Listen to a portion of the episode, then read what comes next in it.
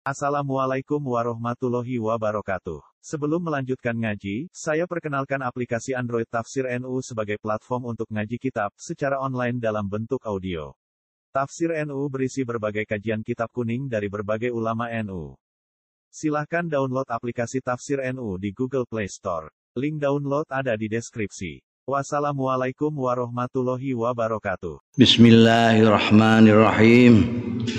Qala al-muallif rahimahullah wa nafa'ana bihi wa bi ulumihi fid dharain amin. Wa akhbarana Umaru. Akhbarana Abu Sa'idin. Akhbarana Abu Bakrin. Itu Abu Bakar iki tapi Abu Bakar Ahmad bin Ubaidil Bazar Binahdid Binahriddin Nahrud Dair itu apa jenenge? Pecahan dari sungai besar Efrat di Irak itu apa namanya? Orang-orang barat yang mengatakan sungai Tigris itu. Itu pecahannya ada namanya Nahruddin Haddatsana Muhammad bin Yakub bin Ishaq bil Ahwaz wah ini jadi lokasinya barang dikandakno ketika diberi apa cerita itu oleh Ahmad bin Ubaid al-Bazar di Nahriddin kemudian diberitahu oleh Muhammad bin Yakub bin Ishaq bil Ahwas.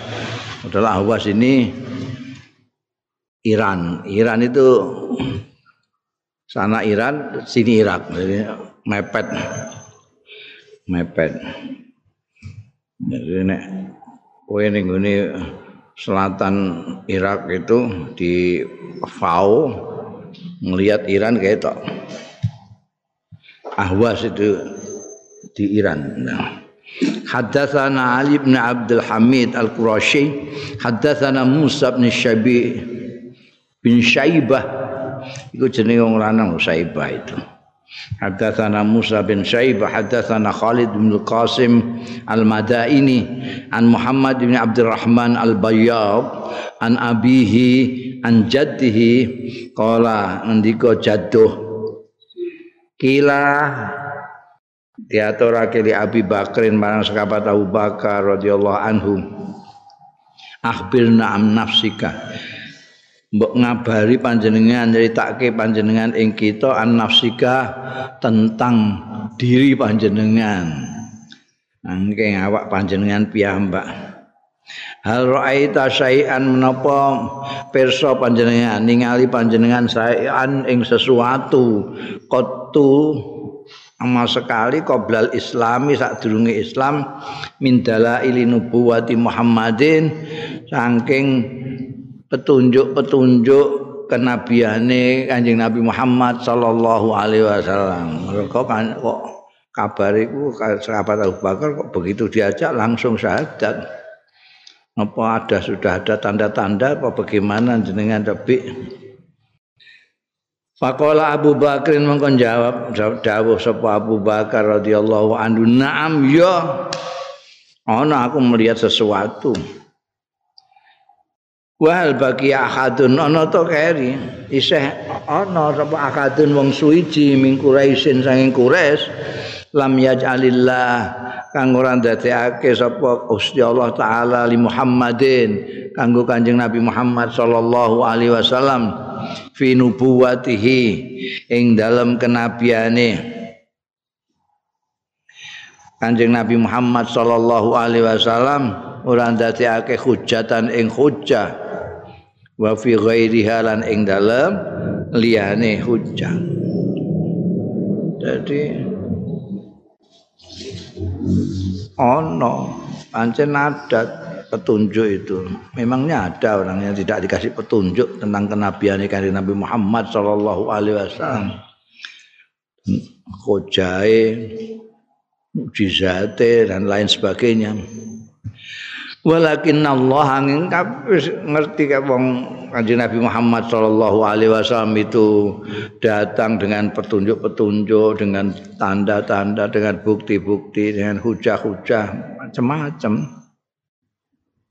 walakin angin tapi walakin Allah angin tapi ini Gusti Allah taala iku pancen hada mayyasha paring pituduh paring hidayah sapa Allah taala mayyasha ing wong sing ngersakake sapa Allah. Maknani hidayah.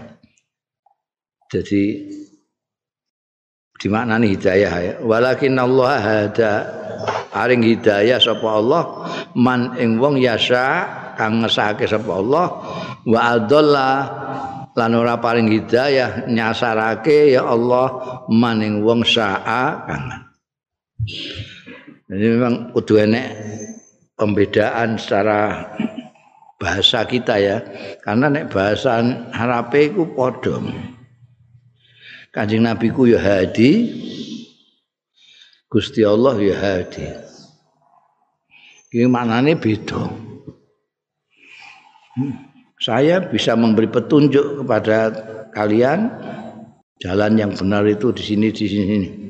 Itu juga bahasa Arabnya udah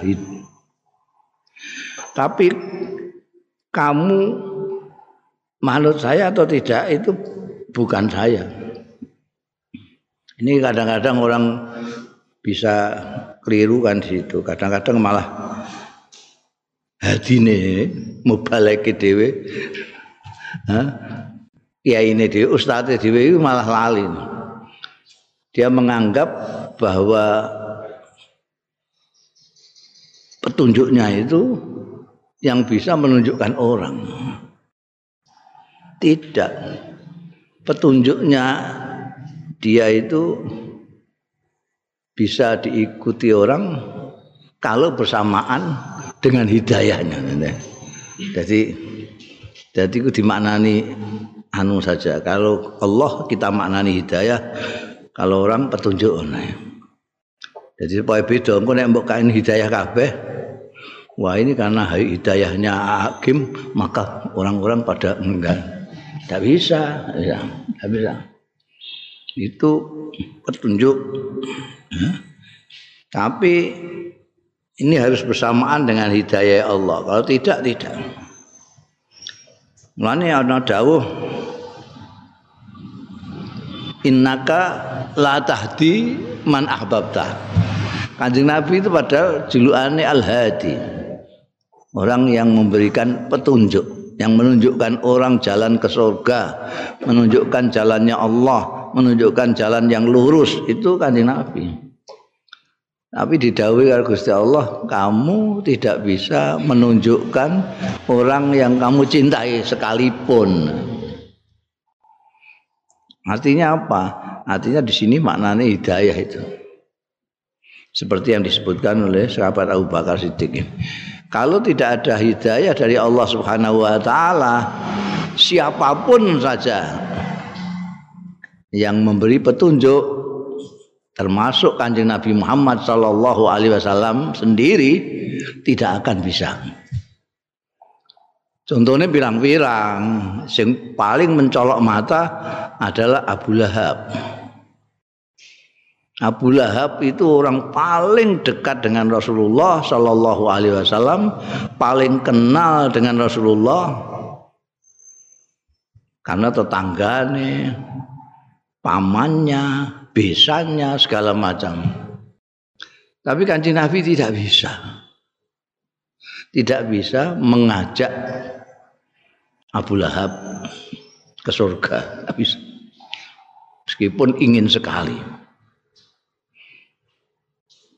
Kenapa? Karena tidak dikendaki oleh Allah. Allah tidak memberi hidayah. Karena Allah seperti dawuhnya sahabat Abu Bakar, ada mayasa wa adalla mansa. Itu tergantung Gusti Allah. Mane kok nek kowe dadi mubalik aja nepuk dada. Wah, karena saya orang sini asalnya bambung semua alhamdulillah dah ibadah semua sekarang gayamu Aku nek terus diundang kok kan midatoni Abu Lahab kapok kowe. Eh, sak paseh-pasehmu iku ora ana sak kuku irenge paseh Kanjeng Nabi Muhammad sallallahu alaihi wasallam. Ya, sak lihe-lihemu ngajak wong ora iso ngalahno Kanjeng Nabi karena Kanjeng Nabi itu dirinya sendiri sudah ngajak. Ndak usah bicara itu sudah ngajak, ngajak sudah menarik. Kanjeng Nabi itu pribadinya saja sudah menarik, apalagi kalau ngomong. Itu saja tidak bisa ngajak Abu Lahab. Orang yang paling dekat. Karena apa? Allah hada man yasha wa adalla man sya. Baina ana qaidun nalikane tai ingsun iku kok idun lenggan fi fai sajaratin ana ing rindangnya pepohonan.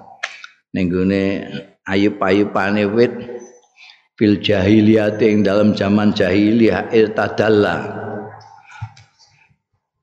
dumadaan ngelembreh alaiya ing atase ingsun apa husnun pang cabang min ahsaniha dari cabang-cabangnya sajarah pang-pange sajarah iku mangkon sing mangklung ning ngene aku. Atas sara sehingga dadi ya husnun mau ala roksi ngatas sirah ingsun mentelung ana pangi mentelung nganti tekan sirahku ngene. Aku lagi ngiyup ning gone ayub-ayubane wit iku mok ana pange sing mentelung ngantek tekan sirahku. Pajal tu maka dadi apa ingsun niku andur ningali ilahi marang husnun. Wa aku lan ucap sapa ingsun mahadza iku apa? Za utahe iki? Iki apa kok? Asami itu mengko mireng sapa ingsun sautan ing swara minas sajarati saking wit mah hadza nabiyun yahruju fi waqti kadza wa kadza iki ana nabi ya ruju sing metu ya nabi fi waktu kadza wa kadza ing dalam waktu begini begini. Wakun anta mongko ana sira iku wakun mongko ana sira anta ya sira. Ana iku min asadin nasibihi termasuk wong sing berluweh bahagia bagiane manusa bi kelawan nabi mang Kultu. Ndika sapa ingsun bayin hu. Nerangno sira hu ing nabi mau. Mas muhadzan nabi. Iku sapa ismu hadzan nabi utawi asmane iki nabi? Olan jawab swara mau. Sautan niku mau. Mbah sapa sing ngomong? Mbah wit-witan niku mbah sapa? Muhammad bin Abdullah bin Abdul Muttalib Al-Hashimi jenenge Muhammad bin Abdullah bin Abdul Muthalib Al Hashimi. Oh, kenal nek iku. Faqala Abu Bakrin ngendika sapa sekabat Abu Bakar? Sahibiku kancaku wa alifi lan hopingku. Alifi itu soulmateku. Kanca raket banget mbek aku. Wa habibi lan kekasihku kesayangan kemudian Mata hadu mongkon janjeni sapa ingsun asyajarah ta ing wit-witan mau. Mata tu basyiruni bi khurujin nabi. Kapan memberi kabar gembira ya sajarah ing ingsun? Bi khurujin nabi iklan. Miose nabi sallallahu alaihi wasallam. Alam ma tahu mongko bareng nekani ing Kanjeng Nabi sallallahu alaihi wasallam apa al wahyu? Wahyu sami tu sautan aku krungu sautan ing swara minas sajarati sange wit-witan. Jeda wa samir ayo. Sing sing kan lengan itu samir itu. Jeda ayo tenanano sira. Serius wa samir lan sing sing kan lengan baju itu tegese siap-siap Yabna abiku khafata he putrane abiku khafa. Aku tu mongko. Ngucap sapa ingsun dalam hati ja'al wahyu teka al wahyu wahyu? Wa rabbi Musa demi pangerane Musa layas bikon naka ilal islami ahadun. Ora kena ninggalak disi ing sira. Ilal islami marang islam sapa akadun wong suwiji. Bicara dengan dirinya sendiri. Kowe kudu cepet-cepet. Jangan teh ana seorang pun yang mendahului. Qala Abu Bakrin dawuh sapa sahabat Abu Bakar radhiyallahu anhu Falamma asbahtu mangko bareng isu-isuan sapa ingsun godau tu mangko berangkat sapa ingsun ilan nabi marang Kanjeng Nabi sallallahu alaihi wasallam Falam maroani mongko bareng pirsa sapa Kanjeng Rasul ing ingsun. Qala li ngendika sapa Kanjeng Rasul limarang ingsun, "Ya Abu Bakrin, ya Abu Bakar, ini atuka stune ingsun iku ngajak ingsun ing sira ilallahi marang agamane Gusti Allah wa ila rasulihi lan maring utusane Gusti Allah." Kultu langsung matur sapa ingsun asyhadu alla ilaha illallah Aku nyekseni ora ana pangeran sinembah illallah kejaba Gusti Allah. Ba'atsa kang ngutus sapa Allah ka ing sira bil haqqi lan hak sirajan muniran. Sebagai pelita muniran sing menerangi. Wa aman tu bihi. Mongko ngimani sapa ingsun bihi kelawan iki sirajan muniran jroning diwa wasadak tuhu Paman tu bi mongko ngimani sapa ingsun bi kelawan Kanjeng Nabi Muhammad sallallahu alaihi wasallam ngono ae lah. Wa sadaq tulan benerake sapa ingsun ing Kanjeng Nabi Muhammad. Qala Syekhul Imam, ngendika sapa Syekhul Imam musannaf mualife kitab iki ngendikaake rahimahullah Hmm. Al hadisani utai hadis loro iki nomor 55 dan 56 itu maksudnya sing ukarane rada aneh juga ukarane kan aneh kaya ora hadis-hadis biasa niku Dawe Syekh Imam rahimahullah al hadisani utai hadis loro iki 55 sampai 56 iku ghariba nih aneh karone eh gharib dianggap hadis gharib Nek liya-liyane ngaran ngarani maudhu malah ora kok gharib ngono. Saiki saya rada sopan saya musannaf iki. Ngarani gharib iki hadis gharib, hadis rada aneh. Sing liya-liyane sudah mari, ah iku gawean. Hadatsa bihima tapi nyeritakno bihima kelawan hadisan iki sapa Abu Said An-Naqqas. Padahal Said An-Naqqas iku al-hafid. Orang ahli hadis. Wa ghairuhu lan liyane Abu Said An-Naqqas min ashabil hadis saking ahli-ahli hadis. Dan orang percaya dengan hadis-hadis gorib ini karena memang produk menarik itu imannya sahabat Abu Bakar Siddiq itu kan menarik karena tanpa macam-macam. Nek kok Siti Khadijah juga demikian itu karena kok Siti Khadijah saat dulu mempersiapkan Mas meneliti, menyelidiki. Kan pinter sekali Siti Sayyidatina Khadijah itu. dia cara saiki ini ngono dia apa banyak referensi referensinya banyak untuk penelitiannya orang ini kok lain daripada yang lain ini mesti mesti lain itu diteliti sampai kesimpulannya ini utusan Allah yang terakhir yang disebut-sebut dalam kitab-kitab langit itu Siti Khadijah besok dan itu dikonsultasikan dikonfirmasikan dengan pendeta-pendeta memang yang orang Yahudi, orang Nasrani.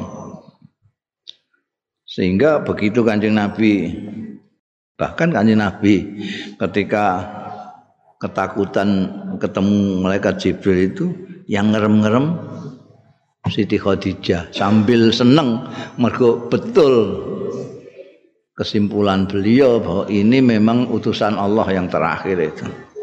Tapi nek sahabat Abu Bakar itu hanya mengandalkan beliau itu kawan dekat. Alifnya Kanjeng Rasul sallallahu alaihi wasallam. Alif itu runtang-runtung biyen iku Kanjeng Nabi.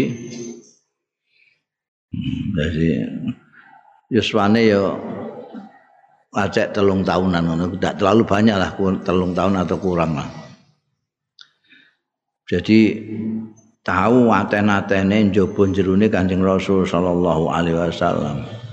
Tapi bagi orang itu bisa tetap kok iso langsung itu piye?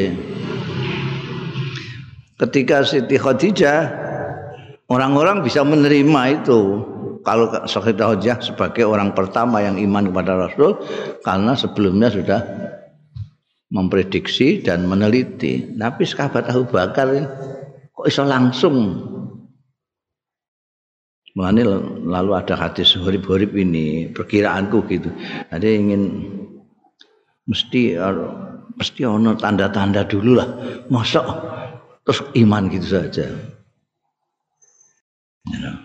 Padahal kalau kita lihat dari ilmu nafs ya, orang yang sudah dekatnya seperti sahabat Abu Bakar dengan Rasulullah Shallallahu Alaihi Wasallam, minimal dia akan tahu seberapa kejujurannya orang dan kejujuran keamanan itulah kepercayaan. Kepercayaanlah itulah iman.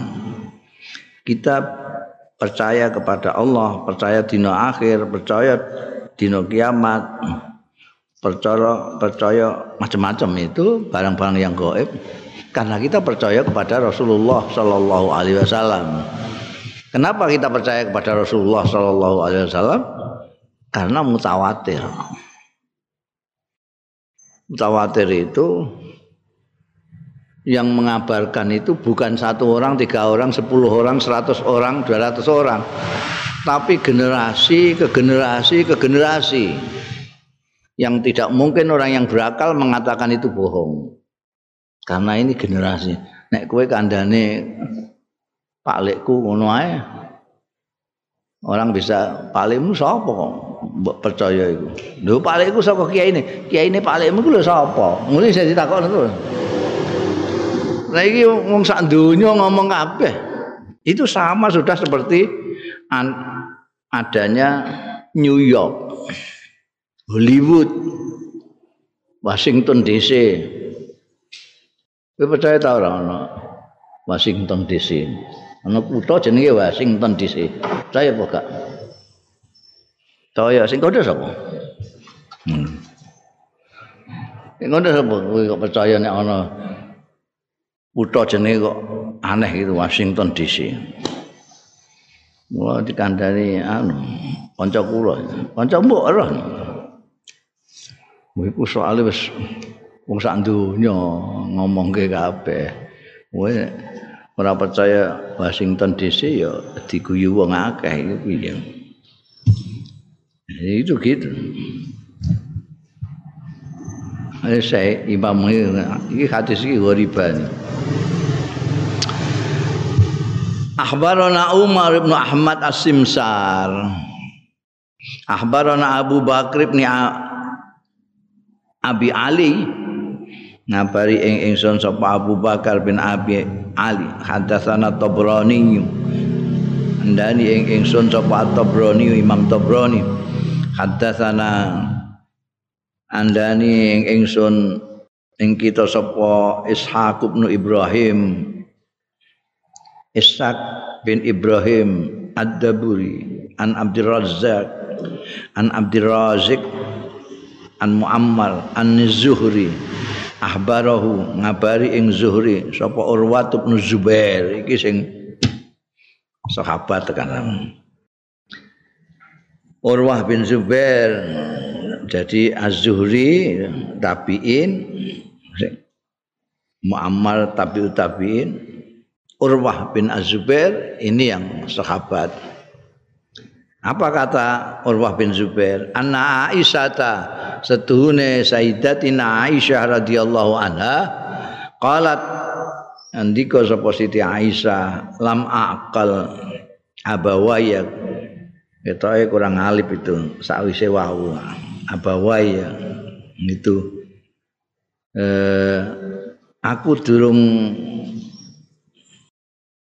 asal maknanya akal itu mikir durung kepikiran. Abawa ya ing wong tuwa loro kukotu babar pisan. Aku durung ngerti ngene cara kene aku durung ngerti wong tuwa loro kukotu babar pisan illa wahuma kejaba wahuma hale utawi abawa ya iku yadinani beragama karone adina ing agama iki. Artinya agama Islam. Jadi Siti Aisyah itu dawan dawuh. Aku ngerti-ngerti wong loroku ya agamane Islam. Jadi orang ngerti. Kan mulai cilik kan gak ngerti cilik. Ngerti-ngerti. Aku begitu ngerti ya wis Islam bapak mbakku itu bapak mbakku wis Islam Jadi lam akal abawaya qatu illa wa huma yadinani dina.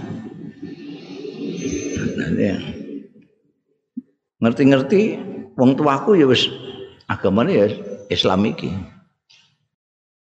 Mergo kan ada yang anake iku wondo mbiyen bapakku nalika isih kuapir Gene musuhi Kanjeng Nabi ngono. Iku nek bangsane anu Sayyidina Umar barang kan mlebu Islam kan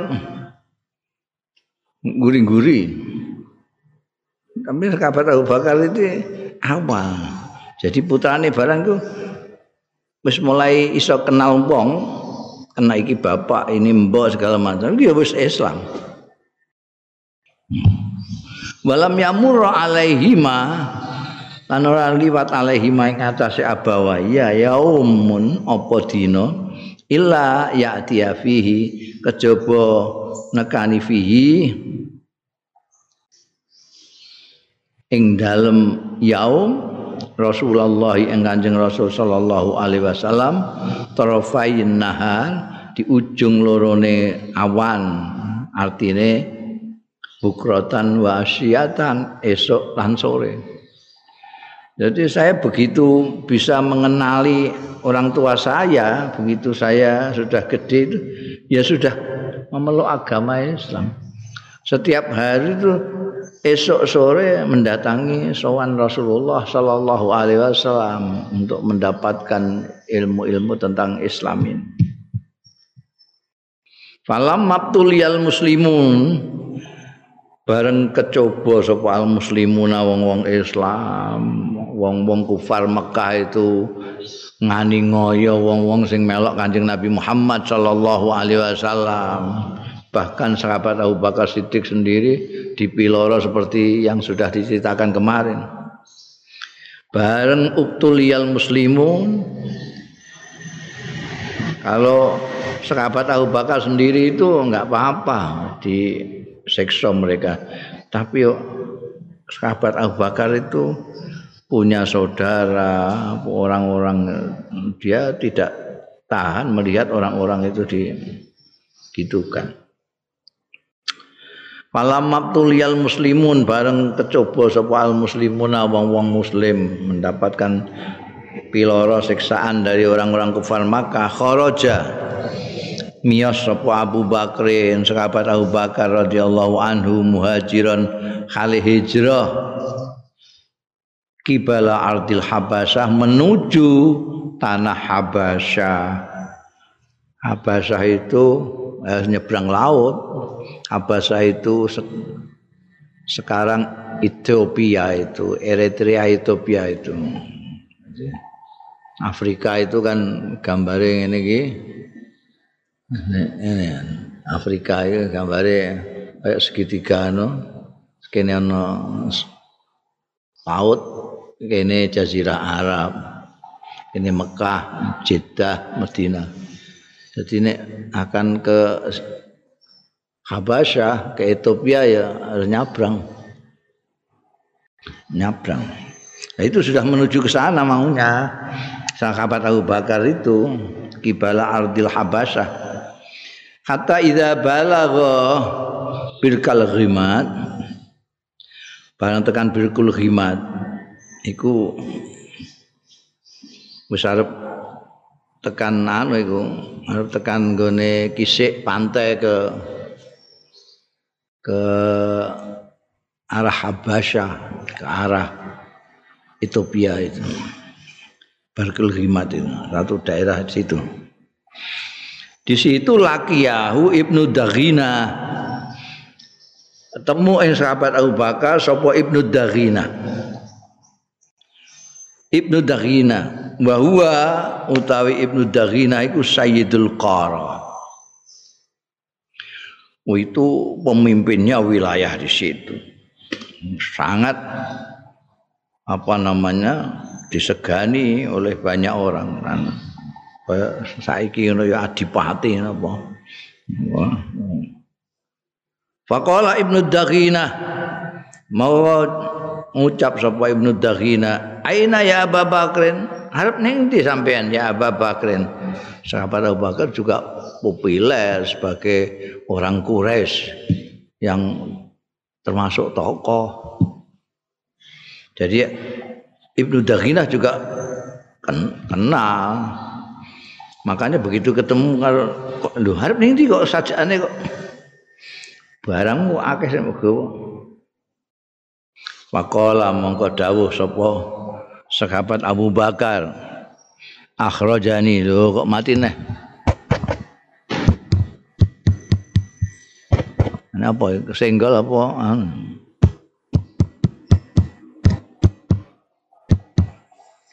Iki apa teknis ini udah ya eh? Aja mbok udah ben sampe apa iku mbok kok tukang speaker pengajian nah iku iku.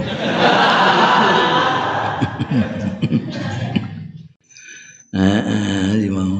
Faqala monggo dawuh sapa sahabat Abu Bakar ditakoki karo Ibnu Daghinah mau maqala akhrajani kaumi ngetokno ing ingsun ngusir ing ingsun sapa kaumi kaum ingsun wa uridu.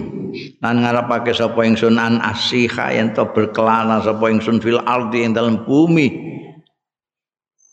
Wa abudalan nyembah sapa ingsun robi ing pangeran ingsun. Nyembah pangerane kok dieron-eron di kacau karo aku meh golek tanah merdekan di mana saya bisa nyembah pangeranku dengan tenang. Qala Ibnu Daghina mengucap sapa Ibnu Daghina mislu kaya Abu Bakr? Utawi wong sing kaya kowe ngene iki diusir ya tahu bahwa sahabat Abu Bakar tokoh masyarakat. Kowe diton wa inna mislaka lan seduhune sepadane ira ya Abu Bakar ne Abu Bakar iku layah ruju la yukhraju la yukhraju orang seperti kamu ini Abu Bakar ku layuh rojo tidak bisa kok diusir ditokno kok kampung halamane. Wala takhruju lan ora metu ngene iki karepmu dhewe utawa diusir wis ora iso. Kowe tokoh masyarakat. Iku nunggoni masyarakat innaka iku taksibul makdum ini kita kalau krungu innaka taksibul makdum kelingan apa kowe? Kita teringat kepada dawuh Sayyidatina Khadijah Kubra. Ketika ngerem-ngerem Kanjeng Nabi Muhammad sallallahu alaihi wasallam ketika Kanjeng Nabi lari-lari dari Jabal Nur dari Gua Hira karena ketemu malaikat Jibril belum tahu ketemu malaikat ketemu malaikat Wah, ndrodok gak karuan. Mudun. Zamiluni, zamiluni. Aku kemuli, kemuli, aku kemuli. Wedi seolah-olah akan mendapatkan bahaya. Aku iki meh diapakno tak pituruti lah. Merasa terancam dirinya. Si Sayyidatina Khadijah pada waktu itu kan ngerem-ngerem. Wah ndak mungkin.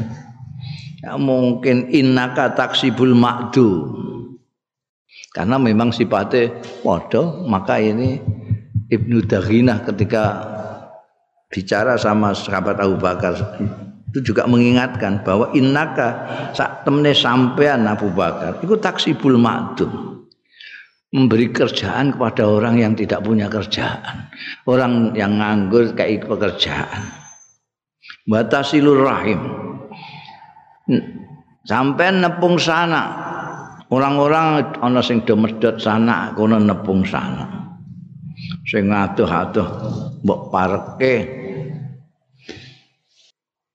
sing lali-lali mbok elingke. Wa tahmilul kalla lan nanggung sampean al kalla ing kepayaannya orang. Orang sing mengkek-mengkek ngangkat beban ndak kuat itu orang-orang yang lemah-lemah itu kamu yang gendong. Batu kriddaif dan kamu menjamu. Tamu. Wa tu'inu ala nawaibil haq. Lan biantu sira ala nawaibil haq ing atase kebutuhan-kebutuhan asalnya naik naibah itu nawaib itu oh, bencana-bencana yang benar. Artinya maksudnya setiap ada kebutuhan-kebutuhan orang itu kan ada yang bisa mencukupi kebutuhannya sendiri ada yang tidak bisa mencukupi kebutuhannya sendiri dan ini terus selalu ada orang yang tidak bisa mencukupi dirinya sendiri. Nah, kamu itu biasa membantu orang-orang yang seperti itu. Jadi rupanya ini adalah karakter sifat-sifat orang yang baik itu ya seperti ini. Kanjeng Nabi itu juga begitu. Taksibul makdum, tasilur rahim, tahmilul kalla, tukrid tu'inu ala nawa ibil haq. Hanya orang Arab yang kalau punya tamu ya dijarno ngono ae. Eh? Teh pahit ae ora. teh pahit. Teh pahit ae ora. Tapi sahabat Abu Bakar ini kalau suguh tamu Masya Allah kayak pesta saja. Banyak orang Arab yang mau membantu kalau orang butuh. Tapi kalau selalu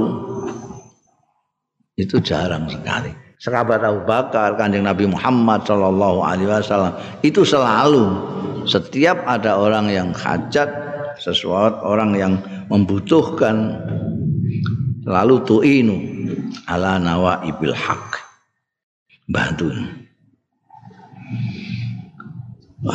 orang seperti anda ini tidak pantas pergi sendiri atau disuruh pergi orang Wong anda ini taksibul ma'du, tasilur rahim, tahmilul kalla, tukrid daif, tu'inu ala nawaibil haq. Wa ana lakajar. Oh, langsung bedain. Ana bagi ingsun laka kanggo sira iku jarun. Ada istilah jar jiwar itu ning Arab iku. Kalau kamu dimusuhi orang misalnya dimusuhi siapa itu.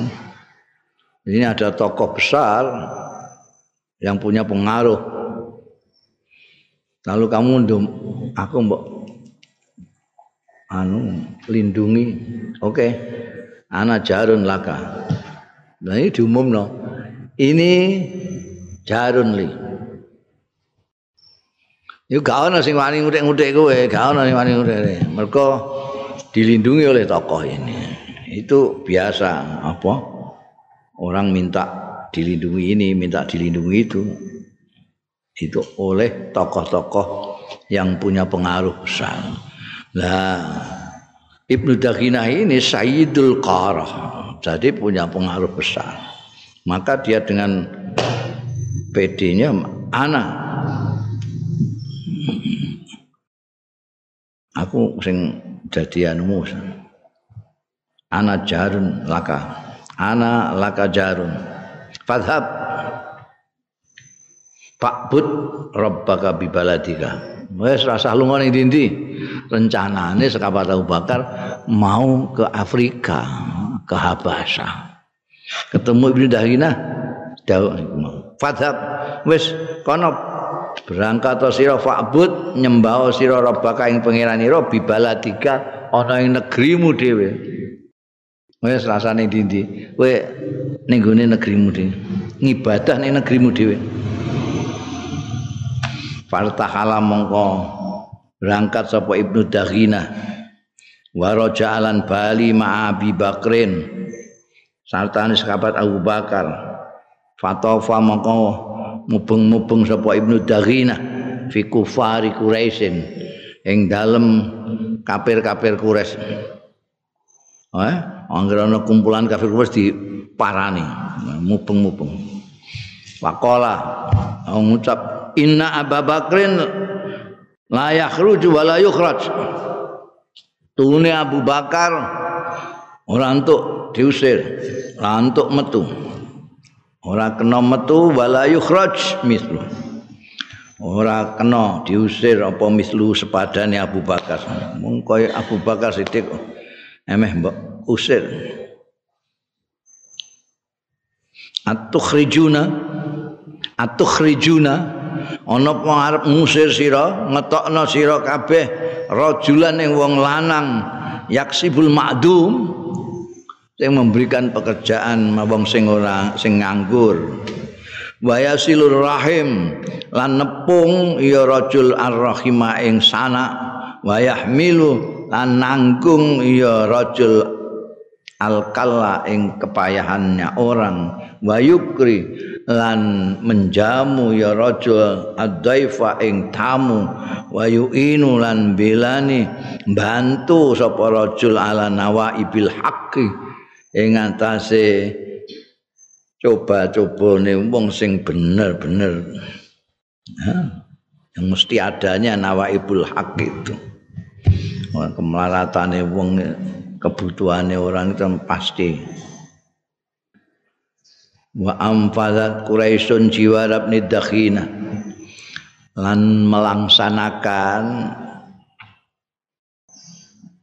sapa Quraisyun Quraisy jiwarab nidakhina ing perlindungane Ibnu Daghina wa ammanu lan memberi keamanan ya Quraisy Abu Bakrin ing sahabat Abu Bakar. Karena ketokohan dari Ibnu Daghina tadi karena sudah dilindungi jiwar oleh Ibnu Darina. Wong Quraisy enggak ngapa-ngapa no ini sekabat Abu Bakar. Faqalu moko ngucap ya Quraisy libni Daghinat li ibni Daghinat marang Ibnu Daghina mur Abu Bakrin kandani Rentau siro Abu Bakar yang Abu Bakar fal yakbud supaya nyembah ya Abu Bakar. Robahu yang pengirane Abu Bakar fidarihi yang dalam mae wong kupal ngontok wong tenan. Kayak wis. Ya wis ah nek mbok lindungi ya lindungi ya aman ta. Abu Bakar rata rata apa-apa no tapi kandhani nek ibadah ning omahe ae. Montok wong wali sholli fiha. An supaya sembayang sapa Abu Bakar fiha ing dalam darihi masya ing barang kang karep ya nek ning omahe dhewe silakan lah. Meh sembayang cek maca Quran apa sembahyang untuk ngibadah. Wali yakra lan supaya maca. Apa Abu Bakar fiha ing dalam darihi ma ing barang sa'a kang ngesakno ya Abu Bakar Malayu zina lan ora nglarakake sapa Abu Bakar ing kita. Dadi nek krungu ana wong maca Qur'ane lara kabeh. Ben ngomah ae engko nek ning gone ken njaba iki aku lara kabeh aku. Upingku lara atiku lara.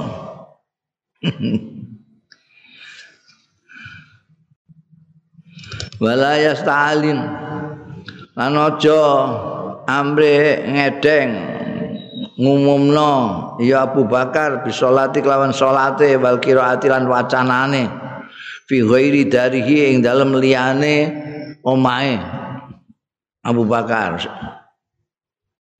Papa alam mongko nindakno sapa Ibnu Daghina. Nanti kandhane sahabat Abu Bakar iki kowe tak pelindungi wong-wong kufar Kamkah ora arep ngaru biru awakmu tapi kowe nek ngibadah ning gone omah wae aja ning jaba mendak nglarakno atine wong-wong iku Suma bada mau keri-keri tampak li Abi Bakrin kedua sahabat Abu Bakar radhiyallahu anhu tanah Bab tanah wis kepenak wis normal rasa normal tidak diganggu-ganggu wong kures. Bab tanah mongko damel ya sahabat Abu Bakar. Bangun masjidan ing masjid fifana idariya ana ing halamane daleme. Halamane dalem ana halamane terus didekno kaya musala ngono panggonan sujud lah masjidan iku. Coba bayangno terus kaya masjid agung. Masjidan panggonan sujud ning ngene halaman rumah beliau. Pakana mengkono sapa sahabat Abu Bakar Siddiq yusolli salat sahabat Abu Bakar Siddiq fi ing dalam masjid. Wa yaqra'u lan maos sapa sahabat Abu Bakar Al-Qur'an ing Qur'an. Fayang qadhibu fayang qadhifu mongko berbondong-bondong alaihi bondong-bondong dengan cepat kaya dilemparkan gitu. Alaihi ing sahabat Abu Bakar utawa alaihi ing masjid sapa nisaul musyrikin? Bojo-bojone wong-wong musyrik wa uhum lan anak-anake musyrikin. Krungu sahabat Abu Bakar maca Quran. Wah do ora trima. Ing wedok-wedok anak-anake melok yuk jibuna minhu gawok. Iya nisaul musyrikin lamun abnauhum minhu saking sahabat Abu Bakar. Wayan zuruna lan padha ndelok. Delok apa nisaul musyrikin la amnahum ilahi marang sahabat Abu Bakar. Diku delokan sembayang didelok kok jungkal singking ngene iku ora apa didelok ora rame seneng. Tambah suwe tambah akeh sing delok iku nek bar sembayang kok kok ana rukuke ana sujude barang kan ya. Aneh terus menarik delok kabeh. Bariku terus krungu maca Quran suarane kok apik. Katik wakana Abu Bakrin lan ana sapa Abu Bakar? Iku rajulan wong lanang bakaan sing nangisan gembeng padha karo sahabat Umar. Tahu aku sahabat Umar hmm. iku rata-rata wabeh dadi murid-murid kanjeng Nabi sing top-top iku nangisan kabeh gembeng Sithik nangis dhisik. Pemenah nek maca Quran, eh. Ora kok eh, kowe nangis mergo kelingan wedhus mah. maca Quran nangis. Maca Quran iku nangis. Kowe maca Quran guyang-guyu. Maca Quran maca Quran iku adabe nangis. Nek iso nangis, tangis-tangisno. Oh. tabaka Mas kabar bakar iki wong baka maca Quran langsung nangis layak adu yang beliku orang meh-meh sama sekabat Bakar ku yang beliku bisa menguasai damahu ing air matanya kina yakro Ina yakra unalikane maos sapa sekabat Abu Bakar Al-Qur'an ing Qur'an. Sekabat Abu Bakar maos Qur'an ndak bisa nahan tangis ndak bisa. Mesti dileweran terus. Lha sing nonton kan tambah duh iku kok nangis bareng? Wong lanang kok nangis ngono. Ya Allah. Itu wah wong gepok tular kono iku ngarepe omahe. Abu Bakar iku lho. Ono tontonan apik. Abu Bakar iku jengkang-jengking bariku terus nangis. Iku tontonan ramene ra karuan. Fa'za mongko ngagetake apa dari kamu kono mau asrafa Quraisyin ing penggede-penggede Quraisy. Wah, lho kok dadi ramene ngono. Wah, ini terpengaruh kabeh piye bojo mbek anak iki ngono. Falsalu mongko kirim utusan sapa Asrafu Quraisy ila Ibni Daghina. Mun Ibnu Daghina sing pelindungi sahabat Abu Bakar mau. Faqadima alaihim mongko teka sapa Ibnu Daghina alaihim ing atase Asrafu Quraisy. Ana apa? Ana apa? Faqalu mongko ngucap sapa Asrafu Quraisy. Innama ajalna Abu Bakar nang pestine nglindungi kita Abu Bakar nang Abu Bakar ala Buddha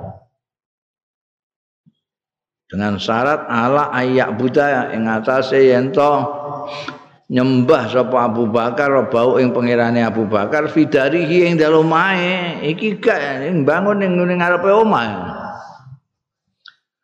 Wa innahu lan satune Abu Bakar iku kok jawaza teman-teman wis ngliwati zalika yang mengkono-mengkono ketentuan. Iku gak dari itu, iku wis masjid.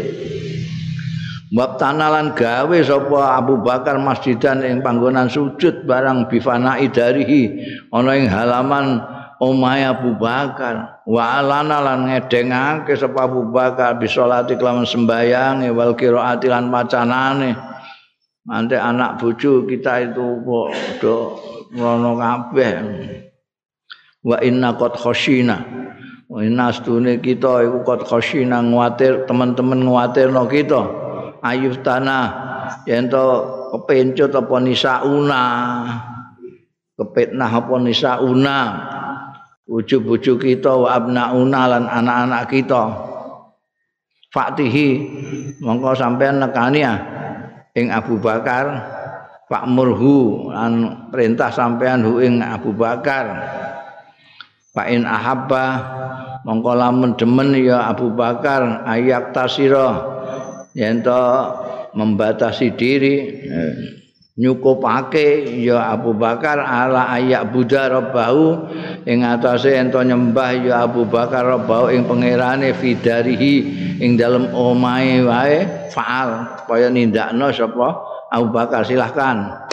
Tapi wa in aba lamun ora gelem ngono Wa in apa mamun lamun ora gelem illa ayyulina kejaba yen to ngedengake umumake Abu Bakar zalika ing mengkono-mengkono ngibadahe minggune pangerane mau fasalhu.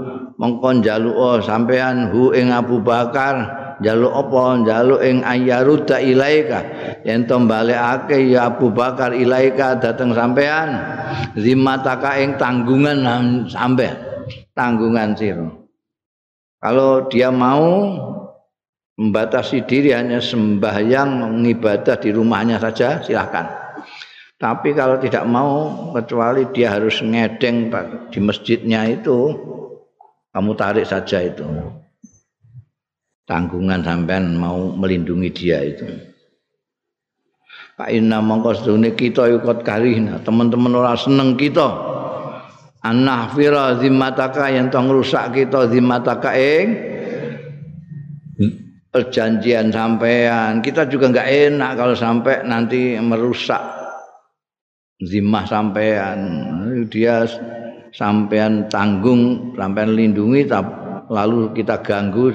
Kan berarti kami punya kesalahan pada sampean. Jadi begitu aja sampean yang minta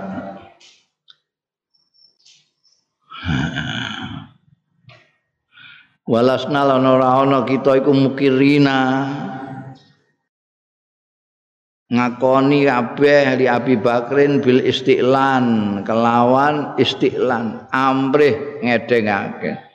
Nek sembayang dhewean ning omahe silakan tapi nek ngedengno kita ndak setuju. Qala dawu sapa Aisyah itu kan dari sumbernya Siti Aisyah tadi yang cerita tentang ayahnya tadi. Qalat Aisyah tu dawu sapa Siti Aisyah radhiyallahu anha. Fa'ata Ibnu Daghina mongko nekani sapa Ibnu Daghina Abu Bakar ing sahabat Abu Bakar. Pakola lan ngucap sapa Ibnu Daghina, ya Abu Bakrin, eh Abu Bakar, qad alim talladzi aqad alaka alai. Qad alim ta teman-teman ngerti sampean alladzi aqad kang mus menjalin sira menjalin akad tu menjalin ingsun laka kanggo sira alai ing atase lazi. Kamu saya jamin bil jiwar Pak imma antak tasir Pak imma antak tasira mongko ana kalane yen to nyukupake sira mbatesi sira. Ala zalika ing atase mengkono-mengkono perjanjian yaitu kamu ibadah di rumah wa imma antar ji ilayya zimati nek kowe ngantek ora gelem ning omah ae wa imma ana kalane antar ji yen to balekno sira ilaya marang ingsun zimati ing pertanggungan saya. Jadi saya wis ora duwe tanggung jawab melindungi kamu lagi sudah.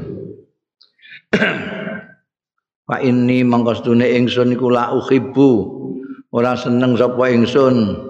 Antas ma'al arab. Yen to krungu sapa wong Arab kabeh sak ngarep do krungu. Ani setune ingsun Ibnu Dakhina Sayyidul Qara iki. Ukhfirtu.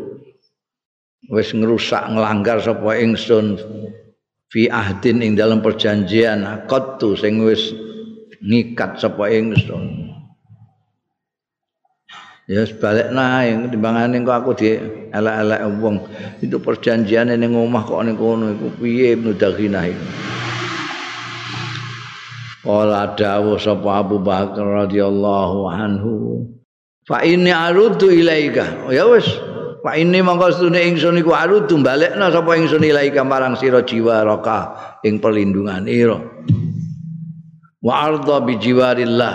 Aku wis puas sapa ingsun ridho sapa ingsun bi jiwarillahi lawan perlindungane Allah wa rasulihi lan utusane Gusti Allah. wa Rasulullah utawi Kanjeng Rasul sallallahu alaihi wasallam yauma idzin. Nalikane iku bi Makkah ana ing Mekah wa qala Rasulullah sallallahu alaihi wasallam. Wallahu alam